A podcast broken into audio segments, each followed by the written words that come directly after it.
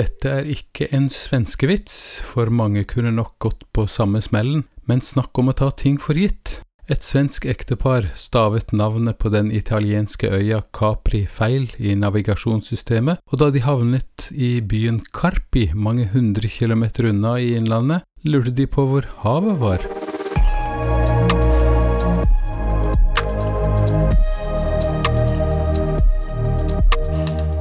Ja, slik kan det gå når man skrur av hodet og fullstendig stoler på navigasjonssystemet. Jeg heter Odd Østby, og i denne episoden av Ting vi tar for gitt, skal det altså handle om GPS, Global Positioning System.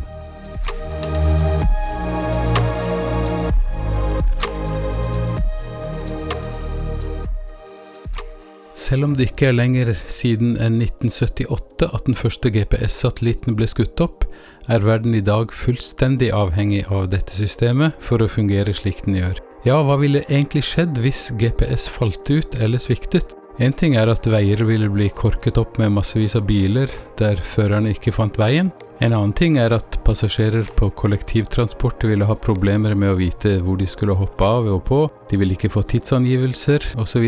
Dette er jo bagatellmessige ting, mot at både skip og fly ville ha problemer med navigering. Nødetatene ville ikke vite hvor anropet kom fra når de skulle sende ut ambulanser eller nærmeste politibil, osv., osv.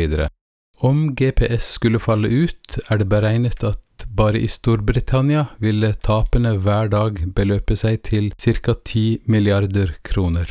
Og ingen vet hva som ville skjedd om GPS falt ut over lang tid.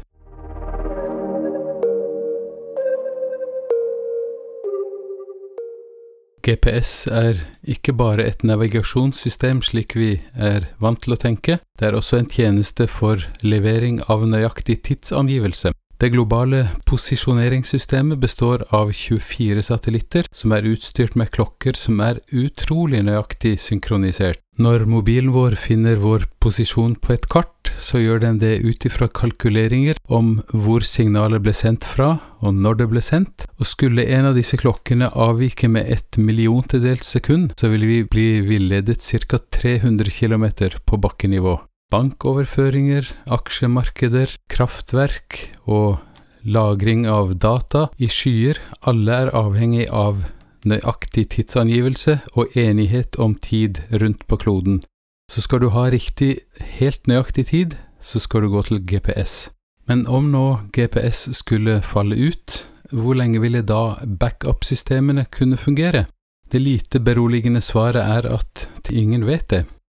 Ikke rart at GPS kalles det usynlige verktøyet, og det å skulle sette en kroneverdi på GPS er omtrent like umulig som å spørre hvor mye oksygenet er verdt for åndedrettsorganene våre, for å sitere forfatteren Greg Milner.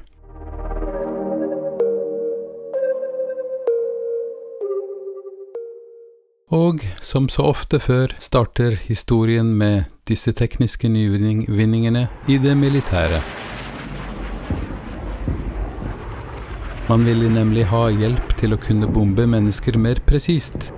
Men det tok lang tid før GPS vant tilslutning i det amerikanske flyvåpenet. For det typiske svaret fra pilotene var 'jeg vet jo hvor jeg er, hva skal jeg med en hersens satellitt til å fortelle meg hvor jeg er'? Men under operasjon Desert Storm i 1990 i den første Golfkrigen, da forstummet innvendingene, da ble Desert Storm virkelig til en sandstorm med sikt på fem meter, og soldatene var fullstendig avhengig av GPS, både for å vite hvor de var, kunne finne tilbake til utgangspunktet, finne vannposter, og ikke minst unngå å gå i veien for hverandre.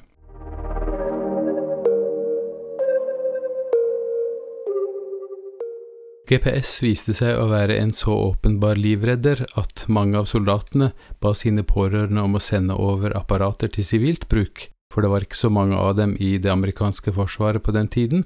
Man kan lure på hvorfor de amerikanske myndighetene syntes det var greit at sivile også brukte det militære systemet. Svaret er at de ikke syntes det var så greit, så derfor sendte de ut to signaler fra satellittene, ett nøyaktig og ett mindre presist. Men etter hvert så var det firmaer som klarte å manipulere signalene slik at det ble mer tilgjengelig presist for hvermannsen, og i år 2000 så ga president Clinton etter og lot det bli tilgjengelig for alle. En annen grunn var også at GPS viste seg å ha et insentiv til økonomisk oppsving på mange måter.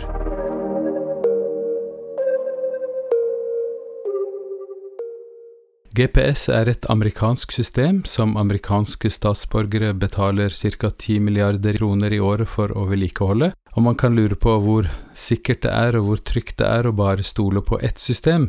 Derfor er det mange andre som utvikler sine systemer. EU holder på med Galileo-systemet. Både India og Japan er i ferd med å utvikle sine, og Russland har også sitt, selv om ikke det er så godt. Og apropos Galileo, alle nyvinninger, teknologiske nyvinninger som vi har i dag, de bygger jo på arbeiden til mange hundreder av oppdagere, vitenskapsmenn og oppfinnere tilbake i tiden, over mange hundre og flere tusen år.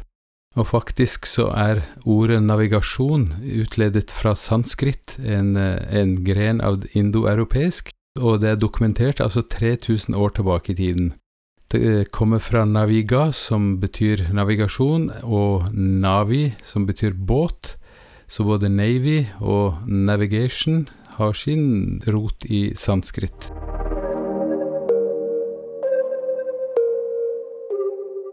Men det som virkelig revolusjonerte navigasjon, og spesielt på havene, det var en oppfinnelse som en britisk urmaker og astronom kom opp med på midten av 1700-tallet, nemlig kronometeret. Man slet med å finne posisjonen på lengdegradene, breddegradene var ikke så vanskelig, men etter hvert så klarte man å finne nøyaktig posisjon, og det påstås at en av grunnene til at britene ble så overlegne på sjøen og klarte å underlegge seg så mange territorier, det skyldtes nettopp kronometeret. Og britene sørget også for å la nullmeridianen gå gjennom Greenwich utenfor London.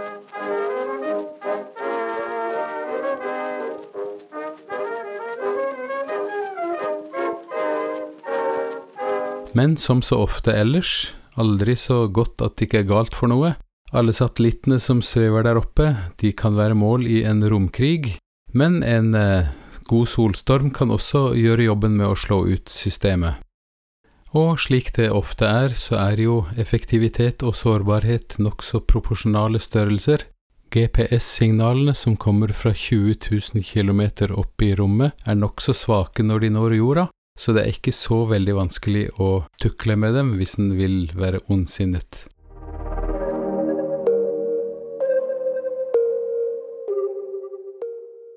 Men GPS brukes ikke bare som navigasjonssystem, det brukes faktisk også for å observere bevegelser i landmassene på jorden. I 2011 var det et gigantisk jordskjelv i Japan, og GPS klarte å observere at det skjedde store forflytninger av jordens masse slik at vår planet nå snurrer litt fortere.